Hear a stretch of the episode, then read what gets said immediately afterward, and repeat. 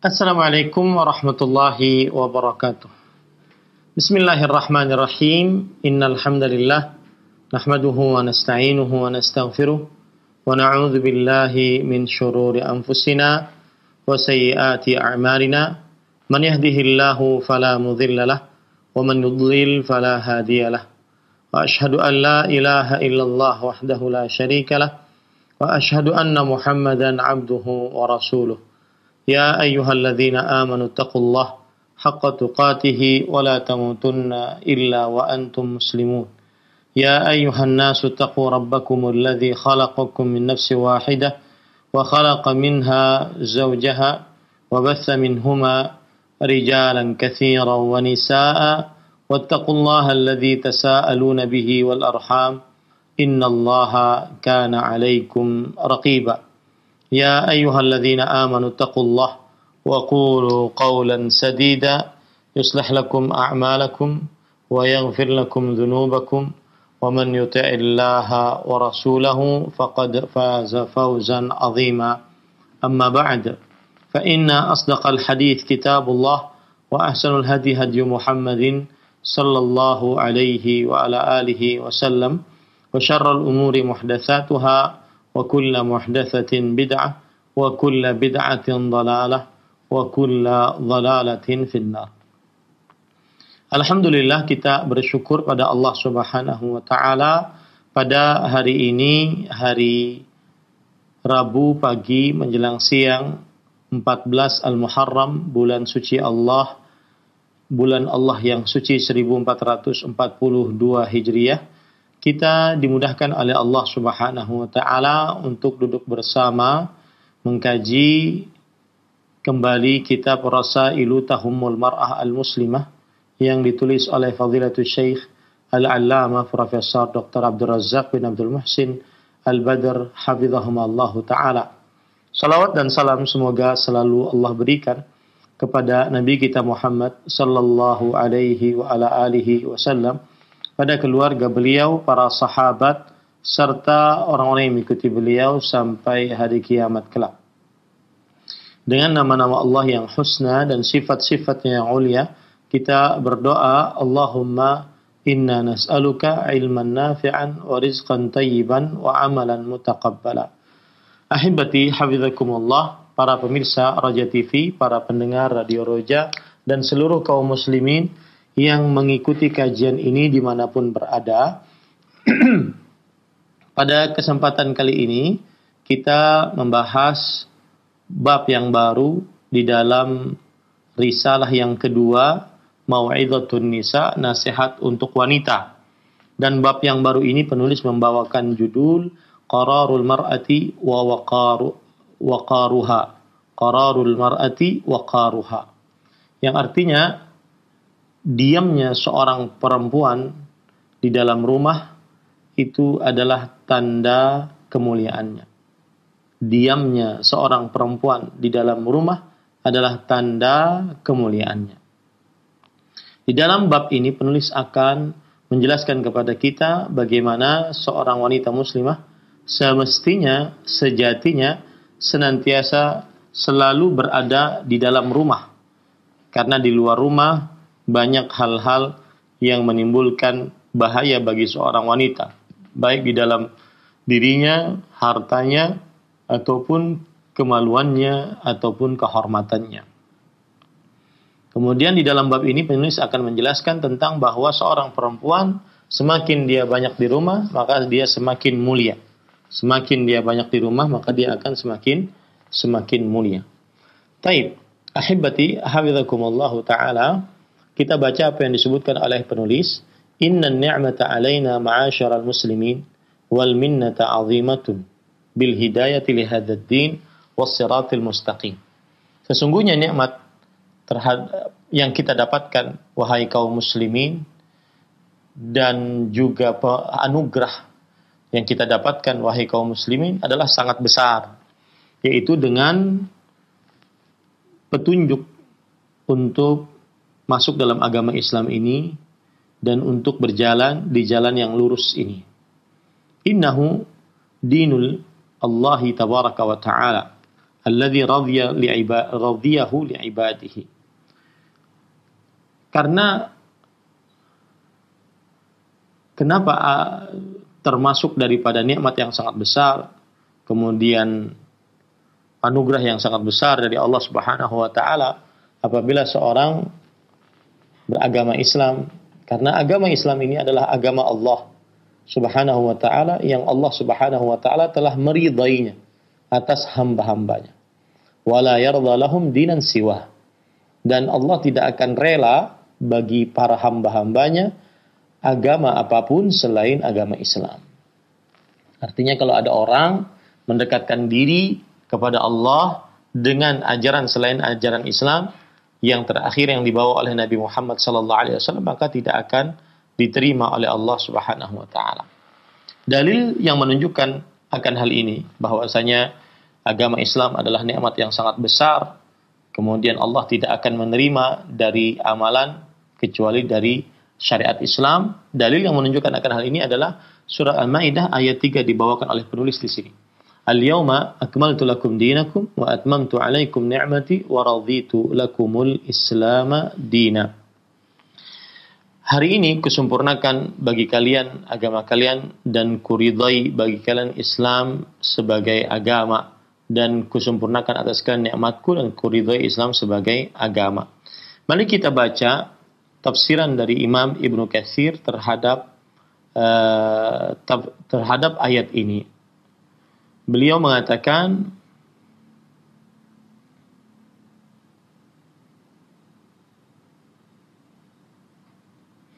Kata Imam Ibnu Katsir rahimahullahu taala bahwa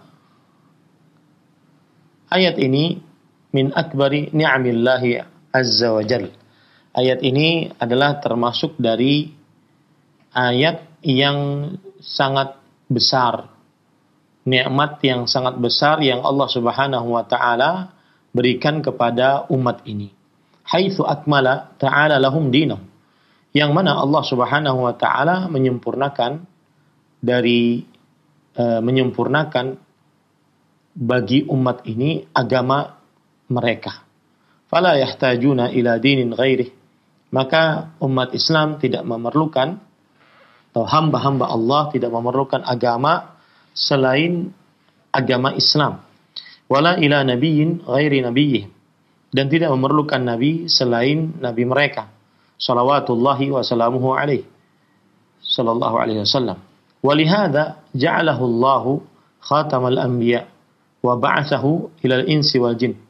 Oleh sebab itulah Allah Subhanahu wa taala menjadikan nabi kita Muhammad sallallahu alaihi wasallam penutup para nabi dan Allah Subhanahu wa taala mengutus Nabi Muhammad sallallahu alaihi wasallam kepada seluruh jin dan manusia. Fala halala illa ma ahallah wala harama illa ma harramah. Tidak ada yang halal kecuali yang Allah Subhanahu wa taala halalkan dan tidak ada yang haram kecuali yang Allah Subhanahu wa taala haramkan. Wala dina illa ma syarra'ah. Dan tidak ada agama kecuali yang disyariatkan. Nah, ini menunjukkan bahwa termasuk nikmat Allah Subhanahu wa taala yang paling besar terhadap seorang hamba adalah dia diberi petunjuk untuk beragama Islam, untuk berjalan di atas jalan yang yang lurus ini. Kemudian juga di dalam surat Ali Imran ayat 85 dijelaskan yang artinya saya bacakan dulu artinya wa man yabtaghi ghairal islami dinan falan yuqbala minhu wa huwa fil akhirati minal khasirin. Yang artinya adalah barang siapa yang mencari selain Islam sebagai agama, maka tidak akan diterima darinya kecu uh, diterima darinya dan dia di akhirat termasuk orang-orang yang merugi. Kemudian penulis mengatakan innahu din alladhi aslahallahu bihi al-aqaida wal a'mala wal akhlaq. Sesungguhnya agama Islam itu adalah agama yang Allah Subhanahu wa taala memperbaiki dengannya keyakinan, keyakinan yang salah, yang menyimpang, amal perbuatan yang salah, yang menyimpang, dan akhlak budi pekerti yang salah, yang menyimpang. Wa aslaha bihi zahir al-mar'i wa batinah. Dan Allah Subhanahu wa taala memperbaiki dengan agama ini keadaan lahiriah seseorang ataupun keadaan hati seseorang. Jadi Islam itu paket lengkap. Baik dia berkaitan dengan akidah, ibadah, muamalah, adab dan akhlak. Semuanya sudah diatur sedemikian rupa sebaik mungkin oleh syariat Islam. Islam itu paket lengkap, baik dia mengatur urusan yang berkaitan dengan anggota tubuh ataupun yang mengatur berkaitan dengan perasaan manusia. Ya, perasaan manusia. Taib. Kemudian penulis mengatakan, wa zayyanahu bi jamali hadzal wa kamalihi. Dan Allah Subhanahu wa taala menghiasi seseorang dengan kebagusan agama ini dan kesempurnaan agama ini. Apabila seseorang melakukan apa saja yang berkaitan dengan syariat Islam, baik itu dalam perkara keyakinan hati atau pengabdian diri kepada Allah Subhanahu wa taala ataupun muamalah hubungan sosial ataupun juga adab dan akhlak, maka niscaya dirinya akan indah. Karena agama ini adalah indah. Niscaya dirinya akan baik karena agama ini adalah sempurna. Innahu din alladhi man tamassaka bihi aflaha wa najah. Sesungguhnya dia adalah agama yang siapa saja berpegang teguh dengannya maka dia pasti beruntung dan pasti juga sukses. Wa man tarakahu tarahalat anhu al-aqidatu salimah wal a'malul qawimah wal akhlaqul fadilah an-nabilah. Dan barang siapa yang meninggalkan syariat Islam ini, ajaran Rasulullah sallallahu alaihi wasallam ini, maka akan hilang darinya akidah yang benar, amal-amal yang lurus, akhlak-akhlak yang mulia, yang uh, luhur. Innahuddin al-qawim was-siratul mustaqim alladhi la falaha wala sa'adata lil ibadi fi dunyahum wa ukhrahum illa bitahqiqihi wal qiyami bihi. Sesungguhnya dia adalah agama yang lurus dan jalan yang lurus. Tidak ada keberuntungan apa pun, tidak ada kebahagiaan apa pun untuk seorang hamba di dunia dan di akhiratnya kecuali dengan melaksanakan syariat Islam dan merealisasikannya dalam kehidupan sehari-hari. Wasidqu syi'aruhu. Kejujuran adalah uh, syiar dari agama Islam. Wal madaruhu. Kebenaran adalah yang merupakan poros dari agama Islam. Wal adlu qiwamuhu. Keadilan adalah tiangnya. Wal rahmatu ruhuhu. Kasih sayang adalah uh, ruhnya, ruh agama ini. Wal khairu qarinuhu. Dan kebaikan adalah teman dekat dari agama ini wassalah wal islahu ghayatuhu wa qasduhu dan kebaikan serta memperbaiki adalah tujuannya dan maksudnya fama a'zama hadzal din maka alangkah agungnya agama ini. Wa ma ajallan ni'mata alaina bih. Dan sungguh besar nikmat Allah Subhanahu wa taala yang Allah telah berikan kepada kita tentang agama ini. Fal nahmadillah rabbana ala an hadana li hadzal din wa an ja'alana min ahlihi wal nas'aluhu tabaraka wa ta'ala tsabata alaihi ilal mamat. Maka hendaknya kita memuji Allah Subhanahu wa taala Rabb kita yang telah memberikan petunjuk kepada kita. Dan yang telah menjadikan kita termasuk daripada orang-orang yang beragama Islam dan kita memohon kepada Allah Subhanahu wa taala untuk tetap di atasnya sampai wafat menjemput kita. Ini mukaddimah yang disebutkan oleh Imam oleh Fadilatul Syekh Al-Allamah Abdul Razak bin Abdul Muhsin Al-Badr hafizahumullah taala. Kemudian beliau mengatakan, "Walaqad ja'a hadzal din al-qawim bihidayatihi al-'azimah wa tawjihatihi sadidah muslihan lil ibad muhaqqiqan lil falah qati'an lidabiril fitani wal fasad." Dan telah datang agama ini yang lurus, agama yang lurus ini dengan petunjuk-petunjuknya yang agung dan uh, bimbingannya yang benar, memperbaiki para hamba, menegakkan, merealisasikan kebaikan, dan memutuskan segala macam godaan-godaan yang menghantarkan kepada kehancuran. Ya. Jadi seakan-akan penulis ingin menegaskan kepada kita salah satu nikmat Allah yang terbesar kita beragama Islam. Karena agama Islam ini memperbaiki seluruh aspek kehidupan manusia. Lahiriahnya, batiniahnya diperbaiki. Akidahnya, ibadahnya, muamalahnya, adab dan akhlaknya diperbaiki dengan menjalankan syariat agama ini. Kemudian juga beliau ingin menjelaskan kepada kita bahwasanya Islam dengan segala macam syariatnya, dengan segala macam hukum-hukumnya ini adalah apabila seseorang mengamalkannya maka dia akan senantiasa berlalu dia berat selalu berjalan di atas yang benar di jalan yang benar. Kemudian dengan berjalan di jalan yang benar tersebut maka dia akan beruntung. Itu pasti tidak ada syariat Islam yang menyengsarakan manusia. Tidak ada syariat Islam yang membuat manusia uh, rusak hancur. Tidak ada. Bahkan yang ada adalah syariat Islam menjaga seseorang dari kegentingan-kegentingan yang menghantarkan kepada kehancuran seseorang di dunia dan di akhiratnya. Nah, kemudian beliau mengatakan wa in wa inna min tadabiril ad-din al-azima wa tawjihatihi al-mubarak tilka at-tawjihat allati ja'at fi kitabillahi jalla wa ala wa sunnati nabiyhi alaihi wassalam mukhtassatan bil mar'atil muslimah yang artinya dan termasuk daripada pengaturan agama yang agung ini dan juga pemberian bimbingan yang mu, yang penuh dengan berkah ini ya adalah bimbingan yang datang di dalam Al-Qur'an ataupun hadis-hadis Rasul Shallallahu alaihi wasallam yang khusus untuk perempuan muslimah. Nah ini di sini Syekh kemudian lebih spesifik, lebih khusus.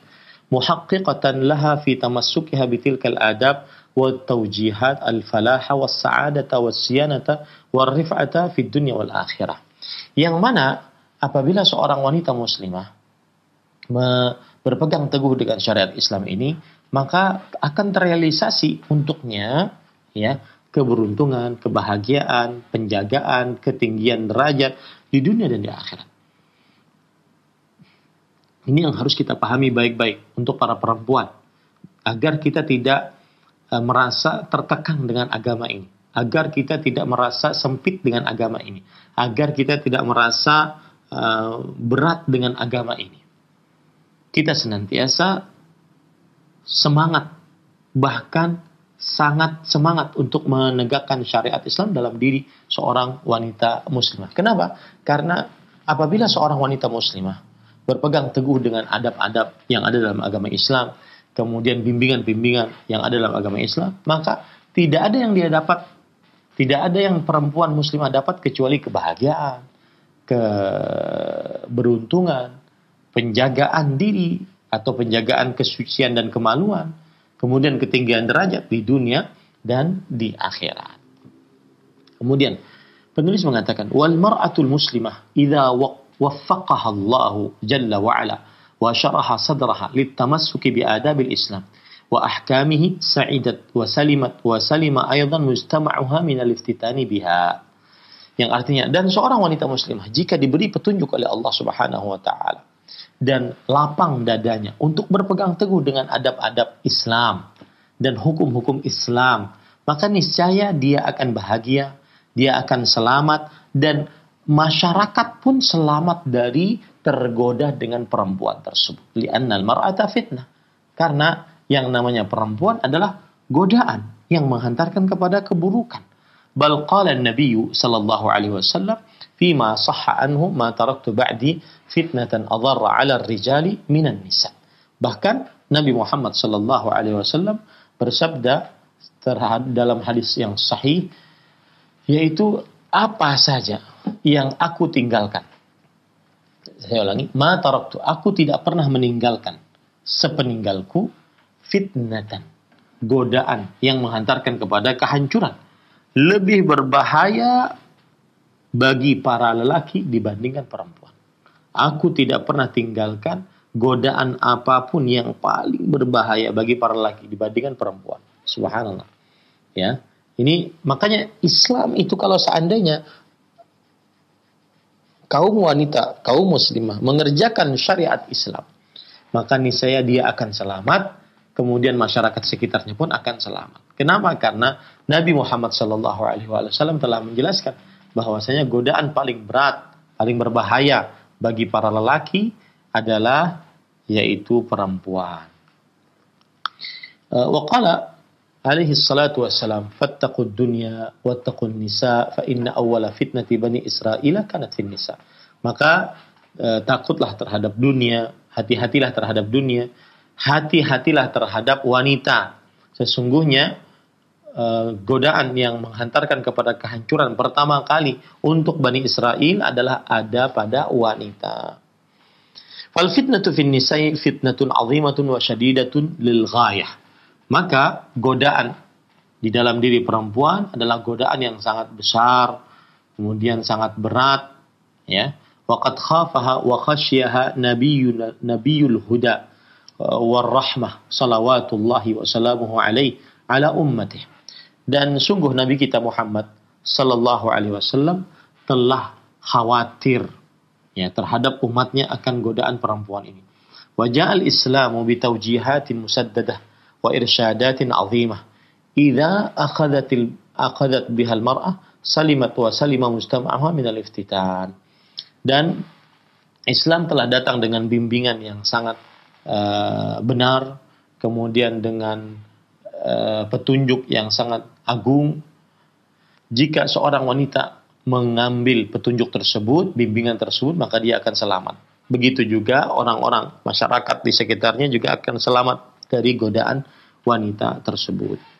Nah, para ikhwan yang dirahmati oleh Allah Subhanahu wa taala, pada pertemuan sebelum-sebelumnya saya sudah menyebutkan tentang uh, at-tahdzir min fitnatin nisa. Ya, yaitu uh, apa namanya? hati-hati terhadap godaan perempuan. Dilihat dari beberapa sisi. Hati-hati terhadap godaan perempuan dilihat dari beberapa sisi. Yang pertama yaitu laki-laki memang sangat lemah terhadap godaan perempuan. Ini sudah saya sebutkan ya, tapi tidak mengapa untuk mengulang ya sebagai peringatan lagi bahwa laki-laki memang lemah terhadap godaan wanita.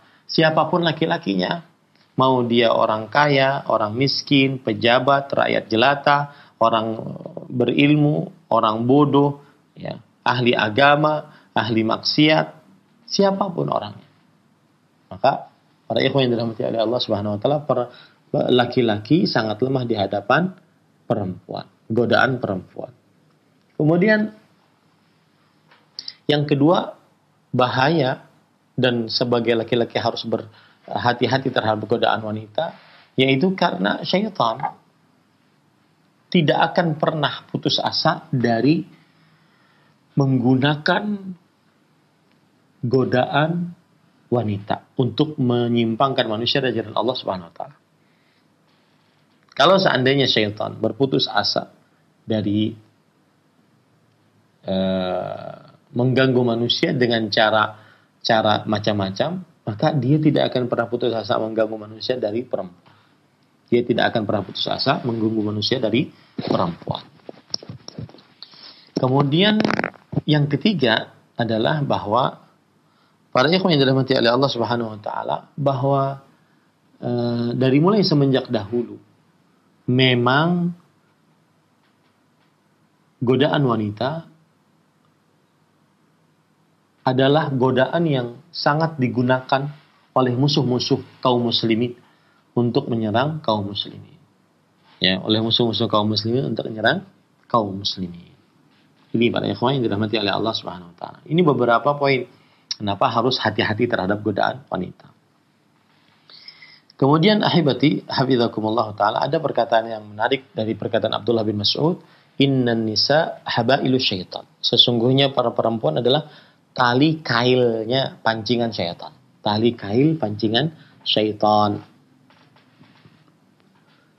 Kemudian Syekh Al-Allamah Profesor Dr. Abdul Razak bin Abdul Musin Al-Badr hafizahumullah taala mengatakan innal wajiba 'ala al-mar'ati al-muslimah an taqra al-Qur'ana wa ahadits ar-rasul sallallahu alaihi wasallam wa ta'khudh wa ta'khudha bit tawjihat al-waridah fil kitab wa sunnah ma'khadh al-jidd wal 'azimah duna tarakhin aw tawanin.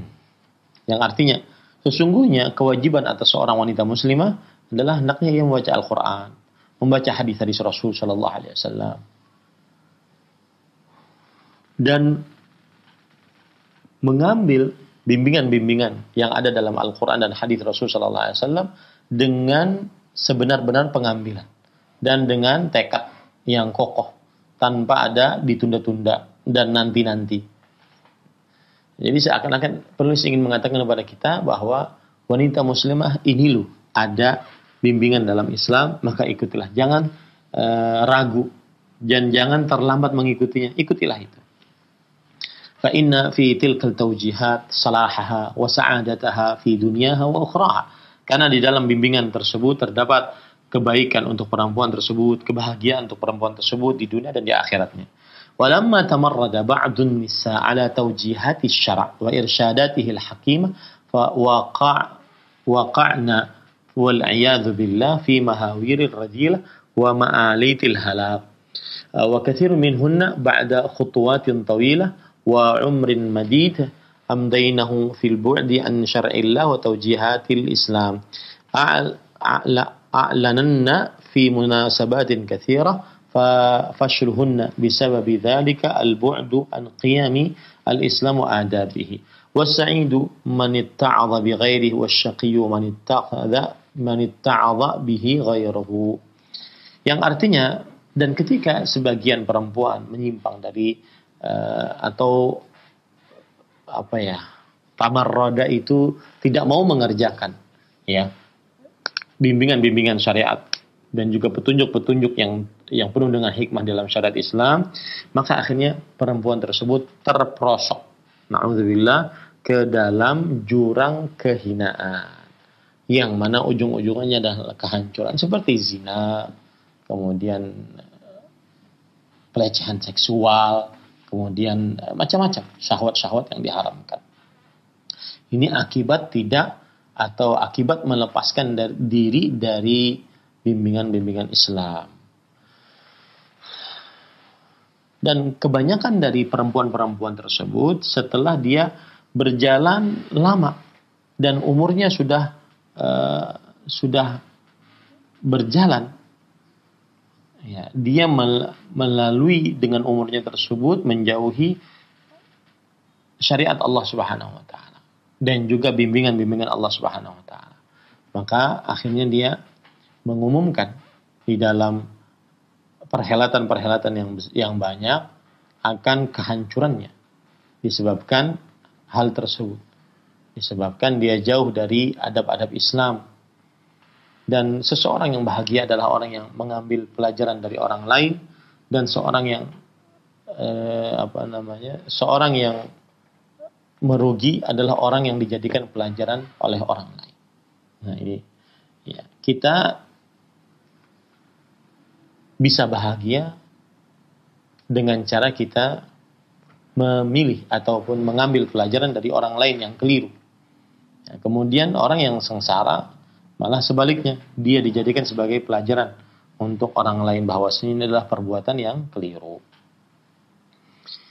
Nah, jadi Syekh dalam paragraf ini ingin mengatakan kepada kita bahwa kewajiban seorang muslim hendaklah dia mengamalkan syariat Islam, dan jangan ada kata-kata uh, terlambat, menunda-nunda, nanti dan seterusnya. Kemudian penulis mengatakan innal muslimata indama tata'ammala tata'ammalu fi adabil Islam wa tawjihatihi laha la tara annaha taqyidun li hurriyatiha kama yaz'umu khusumul Islam wa i'madud din بل إن توجيه الإسلام توجيهات الإسلام للمرأة المسلمة توجيهات تكفل للمرأة الحياة النبيلة والعيش الهنيئة بعيدا عن أنظار الفتن ومسالك الانحلال والانحراف والفساد وعندما تأخذ المرأة بتعاليم الإسلام تعيش حياة الوقار والكمال والجمال والعفة والحديث في بيان هذه التوجيهات yatul lakin linaqifa ma'a tawjihatil azim. Perhatikan baik-baik, uh, sesungguhnya wanita muslimah apabila dia memperhatikan adab-adab Islam dan bimbingan-bimbingan Islam untuk para perempuan, maka ini jangan sampai dia menganggap ini adalah uh, pemberian kesulitan oleh Islam terhadap wanita muslimah. Kemudian mengikat kebebasan wanita muslimah. Sebagaimana Eh, dikira oleh musuh-musuh Islam dan juga musuh-musuh agama ini. Ya. Akan tetapi sesungguhnya bimbingan Islam untuk wanita muslimah kemudian bimbingan-bimbingan apa pun itu adalah untuk menjaga, menjamin bagi wanita muslimah kehidupan yang baik. Ya, kehidupan yang yang baik. Jauh dari uh, bahaya dan juga jalan-jalan penyimpangan, perubahan, kerusakan. Ya. Jadi ketika seorang wanita muslim mengerjakan syiar-syiar Islam, syariat-syariat Islam, maka dia akan hidup dengan tenang, dengan sempurna, dengan kebaikan, dengan kesucian. Nah, ini jadi dalam paragraf ini uh, Syekh Al-Allamah Profesor Dr. Abdul Razak bin Abdul Muhsin ingin mengatakan kepada kita wanita muslimah pokoknya kapan dia menjalankan syariat Islam pasti dia akan bahagia. Kapan dia jauh dari syariat Islam pasti dia akan sengsara. Nah, itu inti. Nah, sekarang penulis menyebutkan beberapa bimbingan Islam agar perempuan terjaga kesuciannya, kemaluannya, kemuliaannya, dan seterusnya. Beliau mengatakan, di antara bimbingan Islam yang dengannya agar terjaga kesucian, kemudian kemuliaan, kemudian peninggian derajat, yaitu kata beliau, yaqulu jalla wa ala fi buyutikunna wa la tabarrajna tabarrujal jahiliyatil ula. Yang artinya Allah Subhanahu wa taala berfirman dan hendaklah kalian wahai para wanita berdiam di rumah-rumah kalian. Berdiam di rumah-rumah kalian. Dan janganlah kalian berdandan sebagaimana masa jahiliyah berdandan.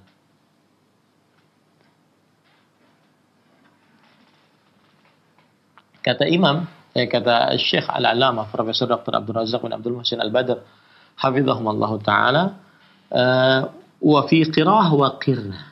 Di dalam bacaan yang lain yang masyhur juga bukan waqarna tetapi waqirna. Silahkan para pendengar, para pemirsa membuka surah Al-Ahzab ayat 33. Itu yang saya maksud waqarna fi buyutikunna wala tabarrujna tabarrujal jahiliyatil ula. Kata uh, penulis bahwasanya di dalam salah satu bacaan yang juga sahih waqirna. Waqirna. Kemudian beliau mengatakan wal ma'na 'ala al-qira'ati al-ula min al-qarar wa huwa al-mukthu fil buyut. Dan makna dari bacaan yang pertama waqarna adalah dia diam di rumah masing-masing. Wa adamul khuruj illa li haja wa dhururah mulihah. Dan tidak boleh keluar kecuali karena ada hajat keperluan yang sangat terpaksa dan juga mulihah yang sangat uh, mengkhawatirkan. وعلى القراءة الأخرى قرنا من الوقار وبين القراءتين تلازم في المعنى kalau baca pakai bacaan lain berarti memakai kata-kata kirna bukan wakarna tetapi dan itu termasuk daripada diambil dari uh, diambil dari kata-kata wakar ya kata-kata wakar yaitu berdiam dan di antara dua bacaan ini baik wakarna wakirna dua-duanya ada semacam keterkaitan ya. Fa innal mar'ah idza qarrat fi baitiha. Seorang perempuan apabila dia diam di dalam rumahnya tahaqqaqa lahal waqar maka akan uh, terrealisasi untuknya perbandingan. Terrealisasi untuknya perbandingan. Eh, terrealisasi untuknya kemuliaan maksud saya untuk para perempuan tersebut بينما إذا كانت خراجة ولاجة فإن هذا الخروج والولوج وعدم القرار في البيوت يفضي بها إلى البعد عن الوقار وحلول أضداد ذلك محله Tetapi kalau seandainya seorang perempuan tersebut dia suka keluar rumah, suka jalan-jalan, ya maka sesungguhnya keluarnya rumah ini, jalan-jalannya dan tidak tetapnya dalam rumahnya ini menjauhkan seorang hamba dari sifat kemuliaan dan menghadapkan kepada seorang hamba yaitu sifat perbandingan. Sifat perbandingan. Artinya hamba yang perempuan yang tidak melaksanakan syariat Islam, maka pada saat itu dia akan bukan mendapatkan al-waqar kemuliaan, malah kebalikannya. Itu namanya perbandingan.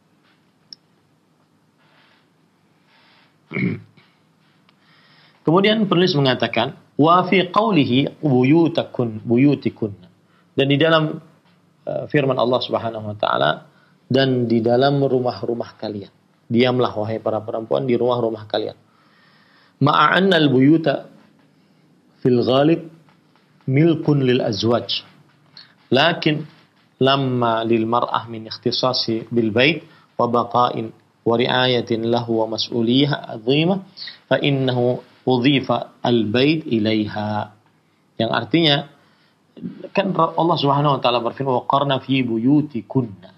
Diamlah kalian wahai para perempuan di rumah-rumah kalian wahai para perempuan wahai para istri.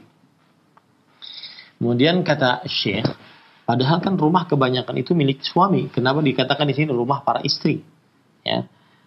Maka jawabannya adalah karena seorang wanita muslimah dia mempunyai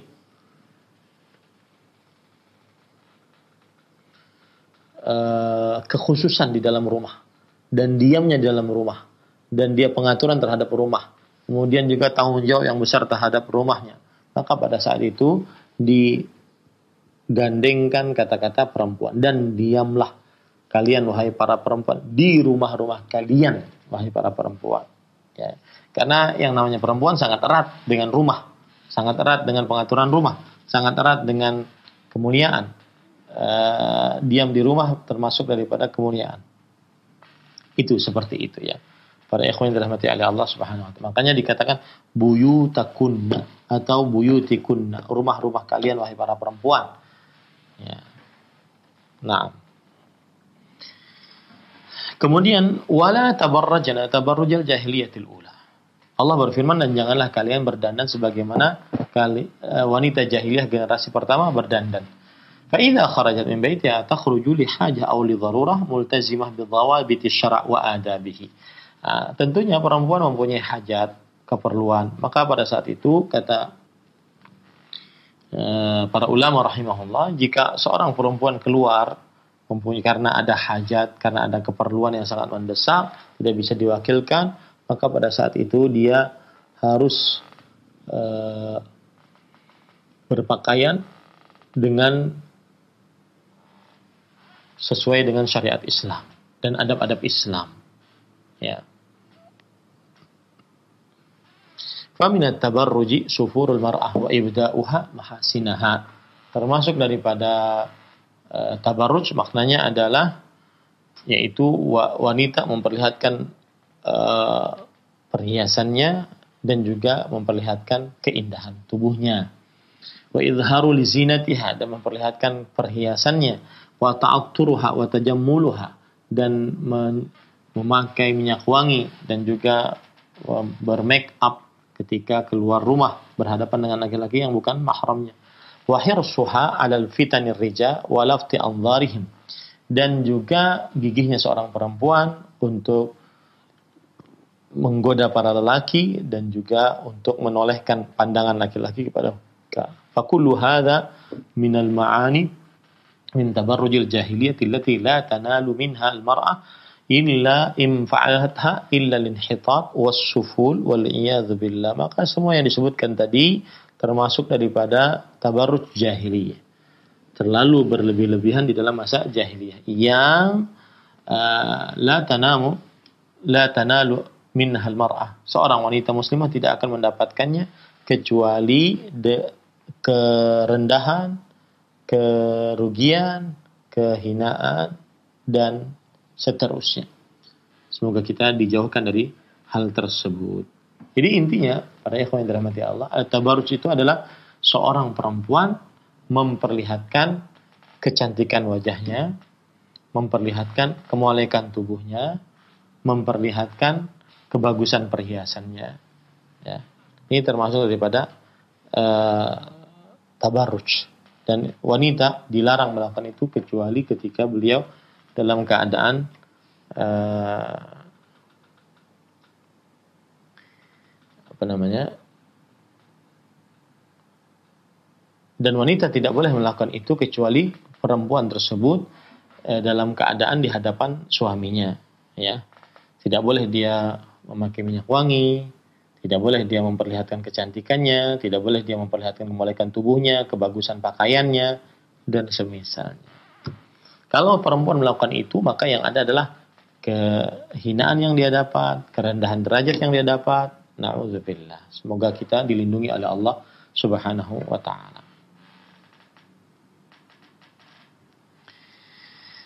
Naam. Kemudian penulis mengatakan, "Tsumma hadhihi al-mar'atu al-karimah al-masfunah allati qarrat fi baytiha ta'ti at-tawjihat ila ar-rajul an yura an yar'a karamataha wa an yahfaza laha fadilataha wa an la yakuna hunaka ikhtilatun bayna ar-rijali wan nisa aw khalwatun bayna al-mar'ati al-ajnabiyyah lima yatarattabu ala dhalika min fit min fitanin wa adrar." Yang artinya kemudian wanita mulia yang terjaga ini yang dia diam di dalam rumahnya, maka datang.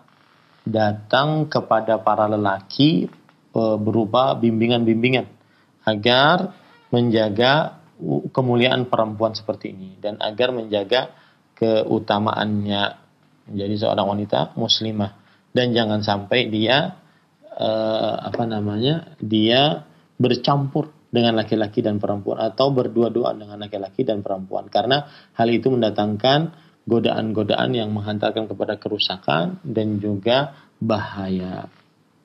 Ini ini salah satu bimbingan Islam menjaga kesucian wanita muslimah yaitu tidak melakukan ikhtilat dan tidak melakukan khalwat.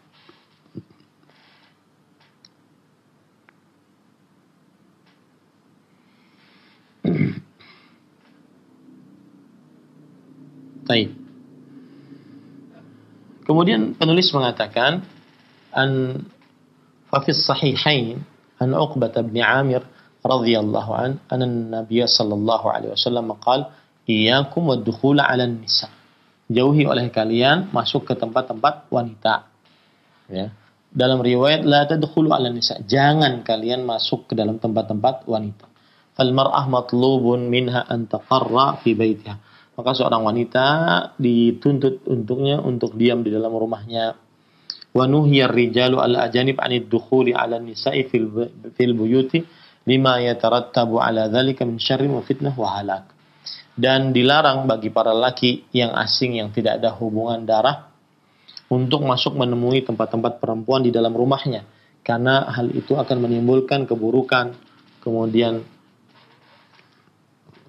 Eh, keburukan, kemudian godaan yang sangat menghantarkan kepada kehancuran, kemudian juga kebinasaan. Lalu ada seorang lelaki dari kaum Ansor bertanya, "Ya Rasulullah, afara'aital ham?" Wahai Rasulullah SAW, apa pendapat engkau tentang hamu? Kemudian Rasulullah SAW menjawab, "Wal hamu ay al-ahma aqaribuz zauj."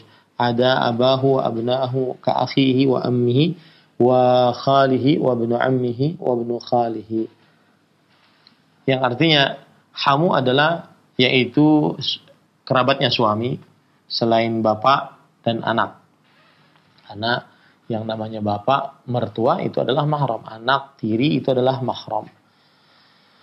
Seperti saudara laki-lakinya, kemudian saudara uh, bapak yaitu paman, kemudian juga bibinya, kemudian anak bibinya, kemudian anak bibi dari perempuan, ya saudara bapak yang perempuan mempunyai anak itu namanya anak bibi dari perempuan. Karena Nabi Muhammad SAW bersabda, Alhamu al-maut. Kematian itu adalah al, al apa alhamu al-maut. Uh, lelaki atau kerabat suami itu adalah kebinasaan. Lelaki atau kerabat suami adalah kebinasaan. Taib. Kemudian penulis mengatakan wal naqif ma'a hadha tanbih wa zajril azim alhamu al-maut. Dan hendaklah dan kita coba perhatikan uh, terhadap peringatan yang keras ini dan juga uh, teguran yang tegas ini bahwa kerabat suami adalah kebinasaan. Kerabat suami bagi istri adalah mendatangkan kebinasaan. Alhamu huwa alladhi huwa qaribu zawj min akhin wa amin wa ibn amin wa khalin wa ibn khal. Uh, beliau mengatakan alhamu adalah kerabatnya suami, baik itu saudara, baik itu paman, anak paman, bibi, anak bibi, ya. Sebagaimana sabda Rasul sallallahu alaihi wasallam, alhamu almaut. kerabat suami adalah kematian, kebinasaan. Fakaifa birrijal adani al-bu'ada 'anil mar'ah wa man laysa lahum biha qarabah wala buzur wala bujuziha atau wala bazujiha. Yang artinya kalau seandainya kerabat suami itu seperti itu tidak boleh masuk ke dalam tempat-tempat perempuan, tempat-tempat istri kita, maka bagaimana dengan laki-laki yang asing yang jauh dari para perempuan? Uh, dari perempuan tersebut dan tidak ada hubungan sama sekali kekerabatan dari dengan perempuan tersebut. Maka ini akan tambah parah nanti. Kalau seandainya terjadi ikhtilat bercampur laki-laki perempuan tanpa tanpa ada batas Kemudian penulis mengatakan alhamu al maut. Wa fi ta'birihi alaihi salatu wasallam bil maut tanbihun ila ila anna al ikhlal bi adab al islam wa wasaya al idham la yusilu biman akhalla biha illa illa ila al maut. Wal halaka. Naam. قد يكون هذا المخل بآداب الإسلام يمشي على قدميه ويأكل ويشرب ويتحدث ولكنه في الحقيقة ميت لأن الفضيلة والعفة والشرف matat indahu min ahliha. Yang artinya beliau mengatakan eh, ketika Nabi Muhammad SAW mengatakan alhamu al maut kerabat suami adalah kematian. Ini eh, menunjukkan peringatan bahwa siapa yang terlepas dari adab-adab Islam, kemudian eh, dia tidak melaksanakan syiar-syiar Islam, maka tidak ada lain kecuali kehancuran, kebinasaan baginya. Ya, kehancuran, kebinasaan baginya. Dan ini adalah bagi orang yang uh, melepaskan diri dari syariat Islam. Ya, dia masih bisa makan, minum, berjalan, ber, uh, ber apa namanya bergaul akan tetapi dia sebenarnya adalah orang yang mayit. Ya, kenapa? Karena Rasulullah SAW tadi mengatakan alhamu al mayit. Kerabat suami adalah kematian. Maka mungkin orang ini sholat, mungkin orang ini berjalan makan minum, ya. Tetapi ketika dia uh, tidak menjaga syariat-syariat Islam, maka yang ada adalah dia akan kehilangan sesuatu yang mendorong dia untuk melaksanakan syariat Islam yaitu keutamaan, kemuliaan, ke, ke, ke kehormatan ya. Maka hilang dari diri orang tersebut dan dia bukan dari dari pelaku dari kebaikan tersebut. Ini apabila seorang wanita muslimah dia membiarkan laki-laki masuk ke dalam rumahnya, masuk ke dalam tempatnya tanpa ada hijab, tanpa ada tanpa ada uh, ya tanpa ada hijab ya. Baik berdua-duaan ataupun orang banyak. Maka akan mengakibatkan kehancuran kematian. Karena itulah Nabi Muhammad SAW mengatakan alhamu al maut yaitu saudara atau kerabat suami adalah kematian jadi itu maksudnya bahwa siapa wanita wanita mana saja yang menyimpang dari adab-adab Islam maka berarti tidak ada lain kecuali kematian dan juga kehancuran. Nah. Baik, alhamdulillah selesai. Kita sampai sini dulu. Insya Allah kita lanjutkan masih ada satu lembar ya dari yang disebutkan oleh penulis Syekh Al-Allamah Profesor Dr. Abdul Razak bin Abdul Muhsin Al-Badr hafizahumullah taala. Nah, saya kembalikan acara kepada Akhi Ari. Wallahu alam. Barakallahu fikum, jazakallahu khairan. Terima kasih kepada Ustadz yang telah menyampaikan bimbingan bermanfaat untuk kita semuanya. Dan kini saatnya bagi Anda, pemirsa TV Roja dan Radio Roja, yang ingin berdalam materi dengan bertanya seputar pembahasan ini silahkan.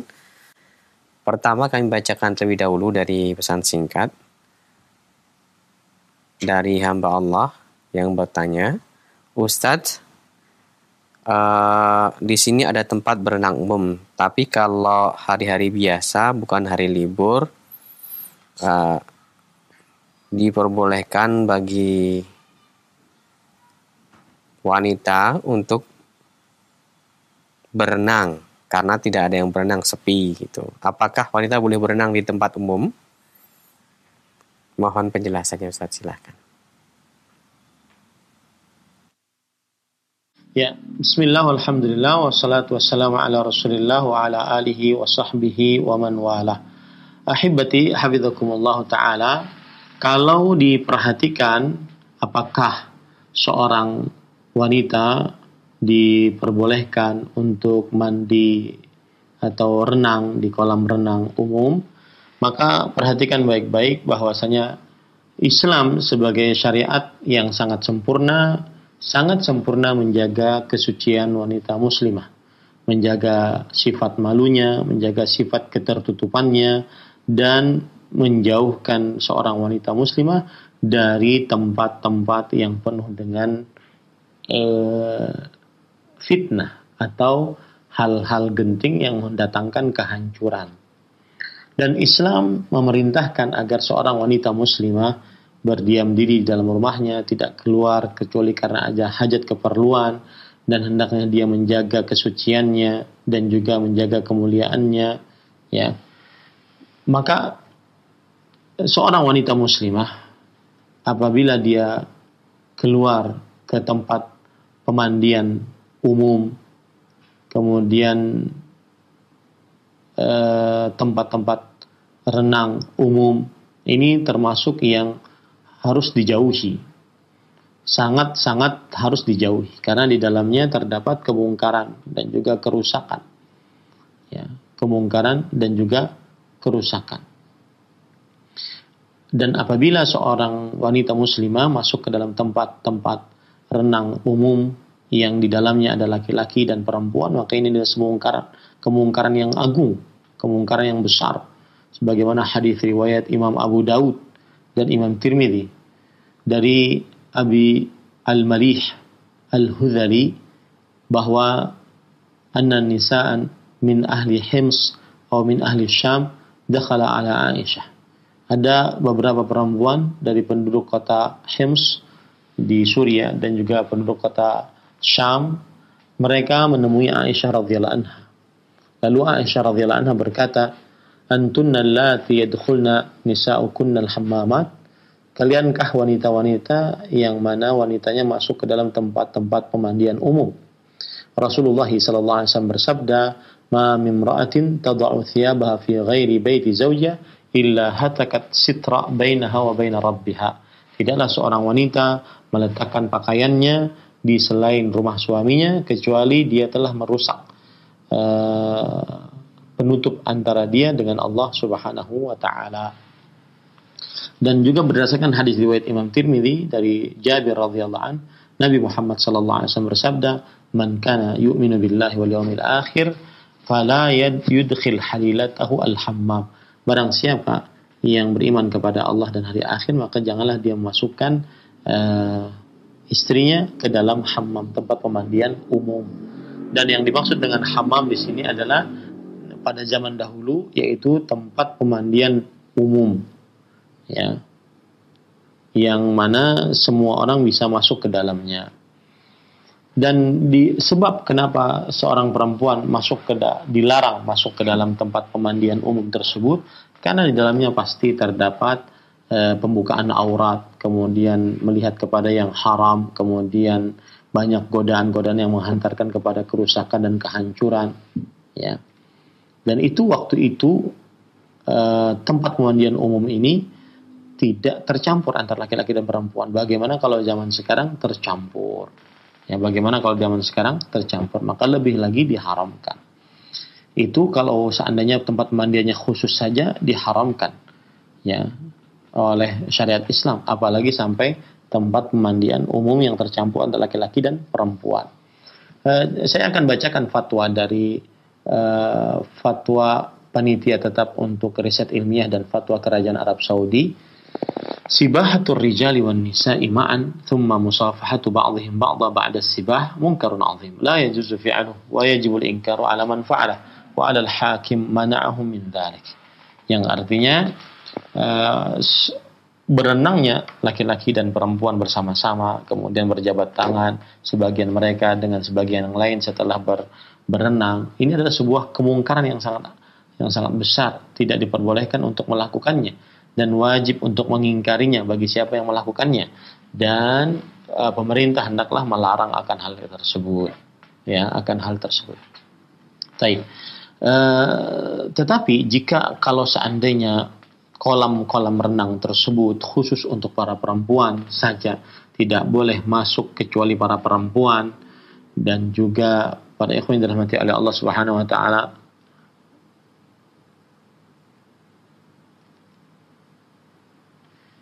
uh, apa ya kalau seandainya seorang perempuan uh, tidak uh, kolam renang tersebut khusus untuk para perempuan Eh, tetap saja dia akan membuka auratnya di situ. Kemudian apalagi di zaman sekarang ini banyak sekali cara-cara orang mengintip dengan CCTV, dengan kamera dan semisalnya. Susah untuk seseorang lepas dari itu.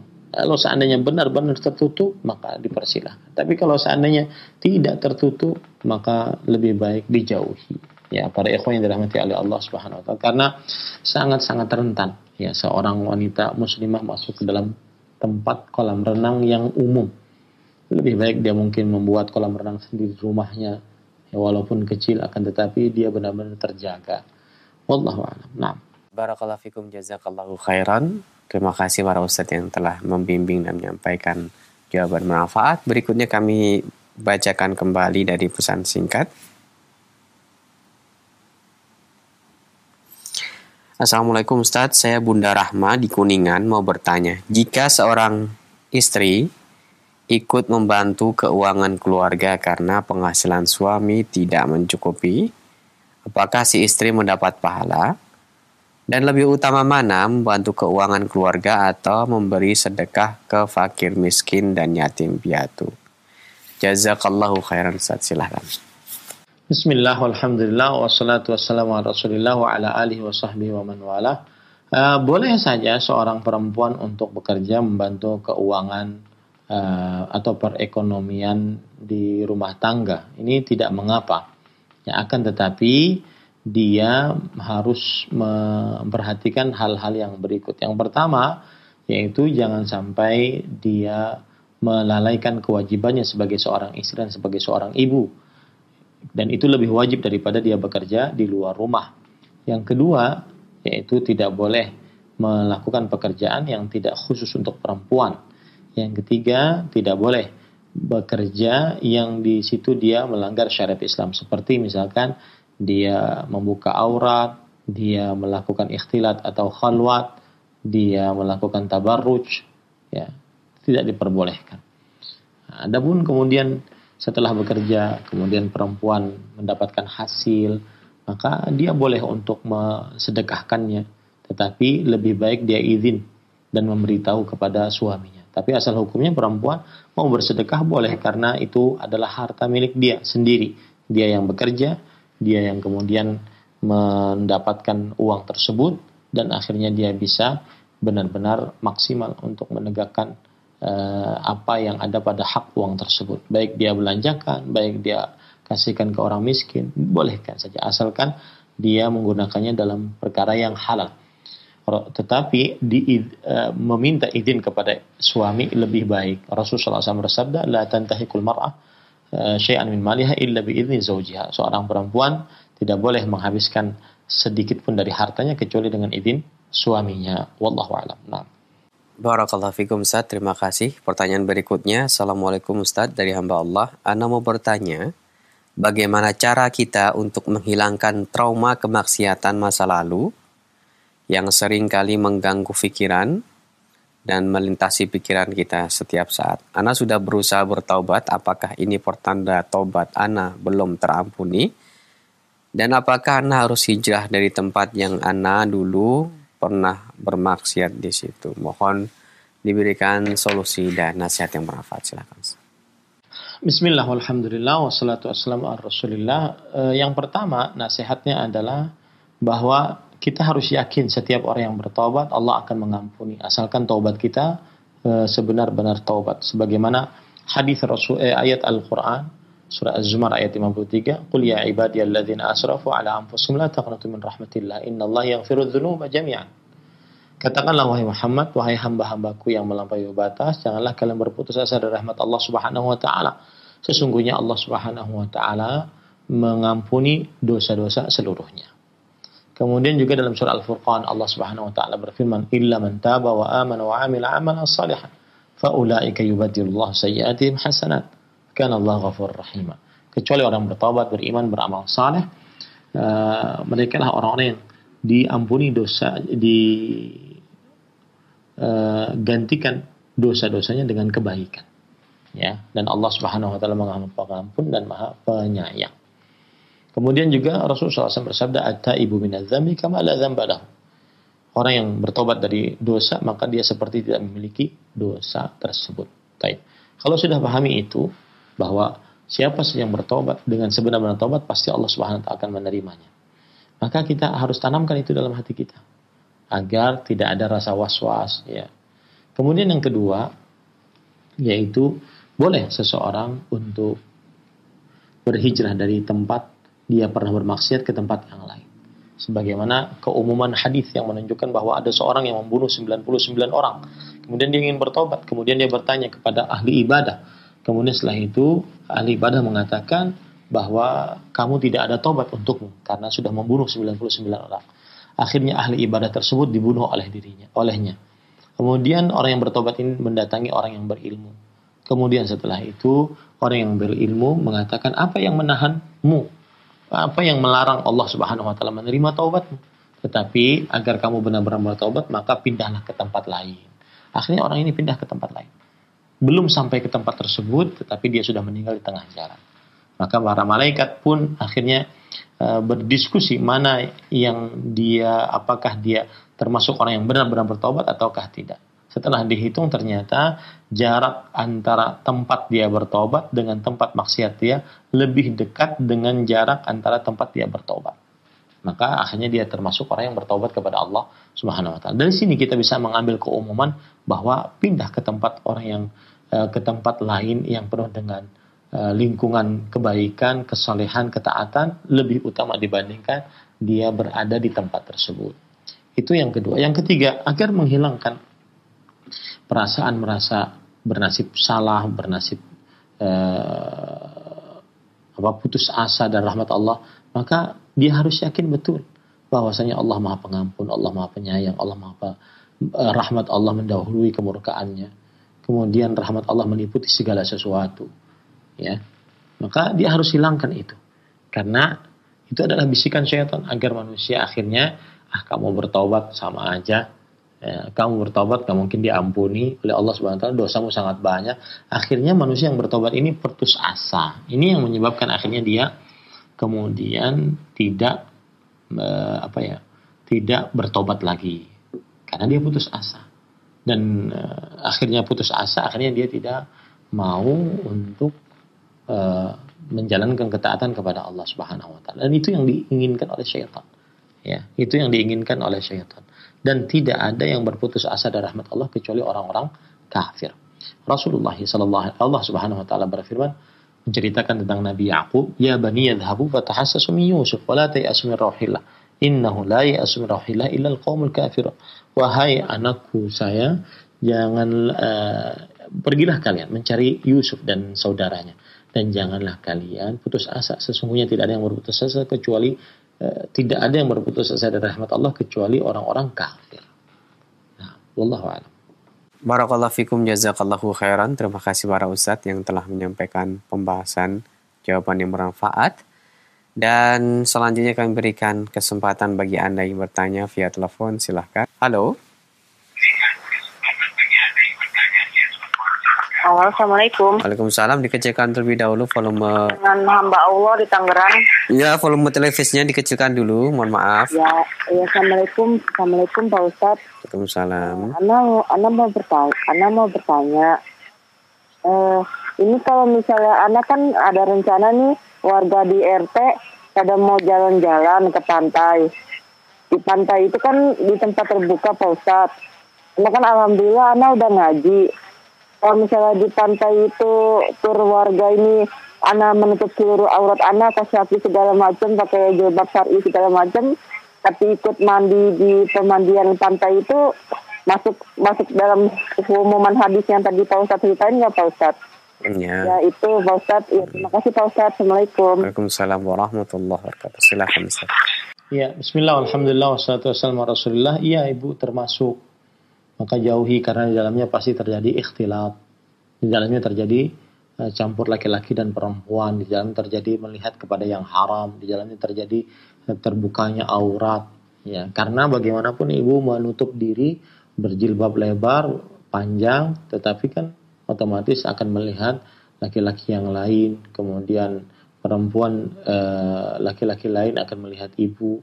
Dan ketika mandi di pantai dalam keadaan basah otomatis akan terlihat terbentuk uh, tubuhnya. Maka tidak diperbolehkan untuk hal seperti ini ya. Lebih baik dia mencari tempat yang benar-benar uh, tersendiri yang benar-benar privasi. Saya pribadi uh, punya keluarga kan saya punya istri saya punya anak perempuan yang sudah balik. Maka harus berusaha untuk mencari. Ya, pernah kita untuk liburan ke sebuah tempat yang memang di situ di dalam tempat tersebut ada kolam renang khusus tidak ada yang melihat sama sekali maka baru diperbolehkan. Ya, kalau seandainya seperti itu maka rentan sekali dengan e, tabarruj memperlihatkan dandanan yang bukan mahram kepada eh, laki-laki yang bukan mahram kemudian e, terjadi ikhtilat dan khalwat berdua-duaan ataupun bercampur laki-laki dan perempuan tanpa hijab terjadi ya sangat rentan maka dijauhi tempat-tempat tersebut kalau seandainya seseorang ingin berlibur wallahu a'lam Terima kasih Ustaz atas nasihatnya dan berikut kami berikan kesempatan kembali.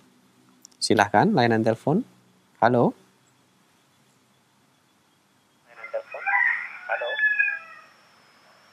Halo. Waalaikumsalam. Suaranya kecil Ibu, mohon maaf di Halo, Assalamualaikum. Ya, Waalaikumsalam. Dengan Ibu siapa? Di mana? Dengan hamba Allah di Jakarta. Silakan Ibu pertanyaannya. Pak mau tanya ya, uh, saya kan misalnya menghadiri acara rapat atau didatangi sama guru-guru anak. Uh, terus di rapat itu kan uh, apa kumpulnya sama ibu-ibu. Terus kadang pas bubar itu pas selesai rapat itu kan suka bersalam-salaman sama guru. Nah guru itu kadang-kadang kan laki-laki ya Pak Ustadz. Hmm. Uh, mereka tuh suka ngajak salaman gitu. Pada Allah kan anak kan tunanetra Ustad. Hmm. Jadi kadang-kadang anak sudah menghindar, terus tangan anak udah tertutup. Jilbab, hmm. suka diambil gitu Pak Ustadz sama gurunya hmm. tangan anak gitu. Seolah-olah uh, uh, mereka pikir oh dia kan nggak ngeliat jadi harus diambil tangannya. Jadi terpaksanya anak bersalaman. Begitu juga kalau lagi di rumah gitu Ustadz kalau kedatangan uh, guru atau tamu gitu uh, saya udah menghindar tapi uh, selalu uh, mereka tuh ambil tangan saya gitu Ustadz. Oh gimana ya Pak Ustadz? Nah, saya ini berdosa atau untuk meng menyikapi masalah ini harus bagaimana gitu Ustadz uh, sukron jajakilah khairan Assalamualaikum Waalaikumsalam warahmatullahi wabarakatuh silakan Ustadz Waalaikumsalam warahmatullahi wabarakatuh. Jazakumullahu khairan Ibu atas pertanyaannya. Semoga kita senantiasa dirahmati oleh Allah di dunia dan di akhirat. Dan uh, saya ber, ingin memberikan sebuah apresiasi kepada uh, seorang yang diuji oleh Allah Subhanahu wa taala dengan uh, mata yang tidak melihat maka Allah Subhanahu wa taala pernah uh, Rasulullah sallallahu alaihi wasallam pernah bersabda dalam hadis sahih idza ubtulitu abdi bihabibataihi fasabara awadtuhu minhuma al-jannah. Yuridu ainaihi hadis riwayat Bukhari. Dari Anas bin Malik radhiyallahu anhu beliau berkata, aku Rasul aku mendengar Rasulullah sallallahu alaihi wasallam bersabda, jika aku uji hambaku dengan diambil dua kesayangannya, maka kemudian ia bersabar, maka aku akan gantikan untuknya dari dua kesayangannya tersebut surganya Allah Subhanahu wa taala. Dan yang maksud dengan diambil dua kesayangannya adalah dua matanya. Maka saya memberikan apresiasi kepada siapa saja yang diuji oleh Allah Subhanahu wa taala dalam keadaan saat ini tunanetra baik dari lahir ataupun karena sakit maka bersabarlah karena Anda merupakan pilihan-pilihan Allah Subhanahu wa taala.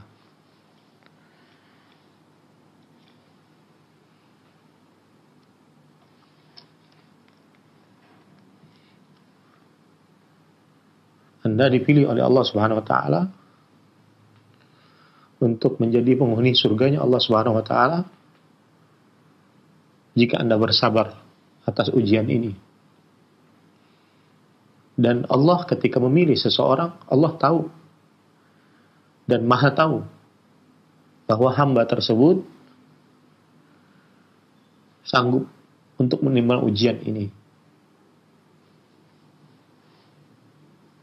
Sebagai pengalaman, saya ingin bercerita bahwa saya pernah di Jakarta waktu kunjungan dakwah, kemudian diajak berdakwah di hadapan para tunanetra. Kemudian waktu itu ada permintaan dari panitia agar mengingatkan kepada para ikhwah tunanetra ini untuk tidak meninggalkan sholat karena saking sibuknya bekerja, baik itu memijat atau yang semisalnya. Maka kemudian ketika saya bercerita bahwa salah satu dahsyatnya sholat adalah as-salatu nur. Sholat itu cahaya. Dan cahaya sangat diperlukan kelak saat berjalan di atas sirat di hari kiamat. Yang mana sirat itu keadaannya adalah tahidun mazillah penuh becek dan menggelincirkan. Ahaddu minas saif adaqqu minas sya'ar lebih tajam daripada pedang lebih tipis daripada rambut. Wa fi hafataihi kalali. Dan di samping-samping sirat ada besi-besi bengkok pengait diperintahkan untuk mengait orang-orang yang diperintahkan untuk dikait sesuai dengan amal. Kemudian dia gelap. Maka pada saat itu dibutuhkan cahaya untuk berjalan di atas sirat. Maka ketika saya ucapkan seperti itu, sebagian besar peserta kajian yang semuanya tunanetra mengatakan, wah itu mah sudah biasa Ustaz, kita setiap hari begitu. Subhanallah. Saya benar-benar takjub dengan orang-orang yang sabar diuji oleh Allah Subhanahu wa taala dicabut kenikmatan dua matanya untuk melihat. Pantas memang Allah Subhanahu wa taala menjanjikan bagi mereka surga. Maka saya nasihati untuk yang bisa melihat, gunakan matamu untuk ketaatan kepada Allah. Dan saya menasihati untuk yang tidak bisa melihat. Bersabarlah atas ujian Allah. Karena surga menunggumu. Tersenyumlah ketika kawan-kawan jamaah pengajian tunanetra tersebut saya ceritakan, mereka semuanya tertawa. Itu mas setiap hari Ustadz kita lakukan. Subhanallah. Begitu bersabarnya, begitu tegarnya. Dan ini juga pertanyaan membuat saya terenyuh. Karena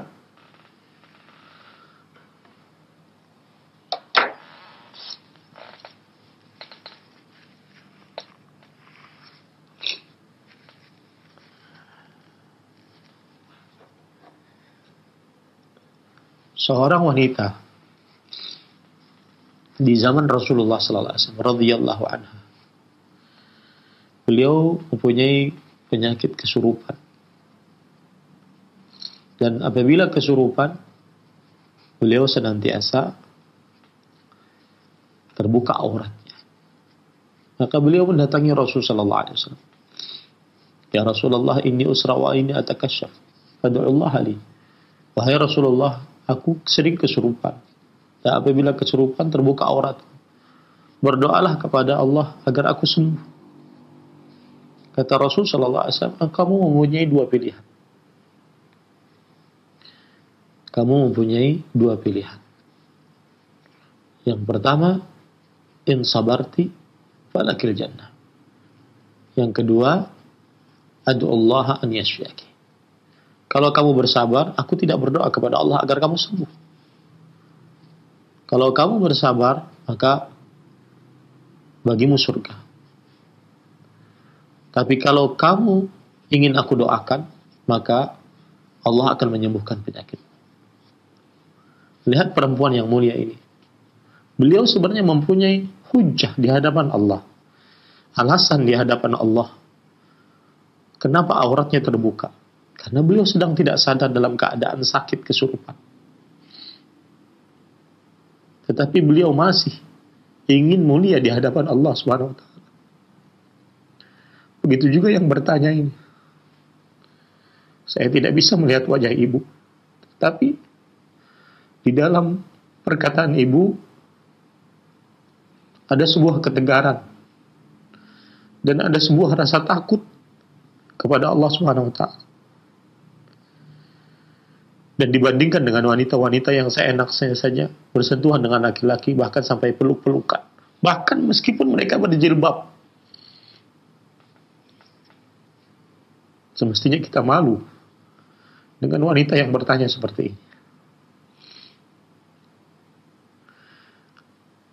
Sebenarnya keadaan ibu kalau dilihat dari hukum asal adalah ma'zur. Mempunyai alasan di hadapan Allah Subhanahu wa taala. Bahwasanya orang mengira ibu akan mau bersalaman. Dan orang mengira karena ibu tunanetra, orang mengira ibu tidak melihat, akhirnya ibu tidak mau tidak bersalaman. Maka diambillah tangan agar bisa bersalaman. Ini kan berarti ma'zur. La yukallifullah nafsan illa usaha. Allah tidak membebani seseorang kecuali sesuai dengan kemampuan. Inna Allah tajawaza li an ummati al khata wa nisyan wa mastukrihu alaih. Allah telah memaafkan untukku atas umatku sebuah kekeliruan, kemudian kelupaan, dan apa yang dipaksakan untuknya. Ibu masuk ke dalam kekeliruan dan ke dan paksaan. Ibu tidak tahu. Punya uzur di hadapan Allah Subhanahu wa taala. Akan tetapi pertanyaan ini membuat seseorang wanita lebih mulia. Semestinya wanita-wanita yang sehat, yang sempurna penglihatannya lebih malu. Kalau seandainya dia sesuka hatinya untuk berjabat tangan dengan laki-laki yang bukan mahramnya. Mudah-mudahan keimanan ini senantiasa ibu bawa sampai akhir hayat. Adapun jadi kalau seandainya ditanya apa hukumnya, maka kita katakan ma'zur. Kita tidak sengaja, kita tidak tahu dia mengambil tangan kita begitu saja. Tetapi solusinya mungkin adalah ketika berjabat ketika berhadapan dengan laki-laki yang bukan mahram, kemudian ingin berjabat tangan, maka kita ucapkan dengan jujur, mohon maaf Pak, saya tidak melihat dan saya tidak berjabat tangan dengan laki-laki yang bukan mahram saya. Jadi itu lebih baik agar ibu juga terjaga. Dan Rasul Shallallahu Alaihi Wasallam bersabda dalam hadis dari sahabat Nabi Al Ma'di Karib radhiyallahu an, "La an yut'ana fi ra'si ahadikum bimakhitin min hadid, khairun lahu min an yamassa imra'atan la tahillu Sungguh seseorang ditancapkan paku dari besi di kepalanya lebih baik daripada dia bersentuhan dengan perempuan yang tidak halal untuknya. Maka saya katakan kepada ibu yang bertanya, hanian lagi. Selamat bu. Mudah-mudahan ibu tetap sabar. Ibu tetap kokoh istiqamah menjalankan agama Islam sampai akhir hayat. Dan semoga surganya ibu menunggu ibu.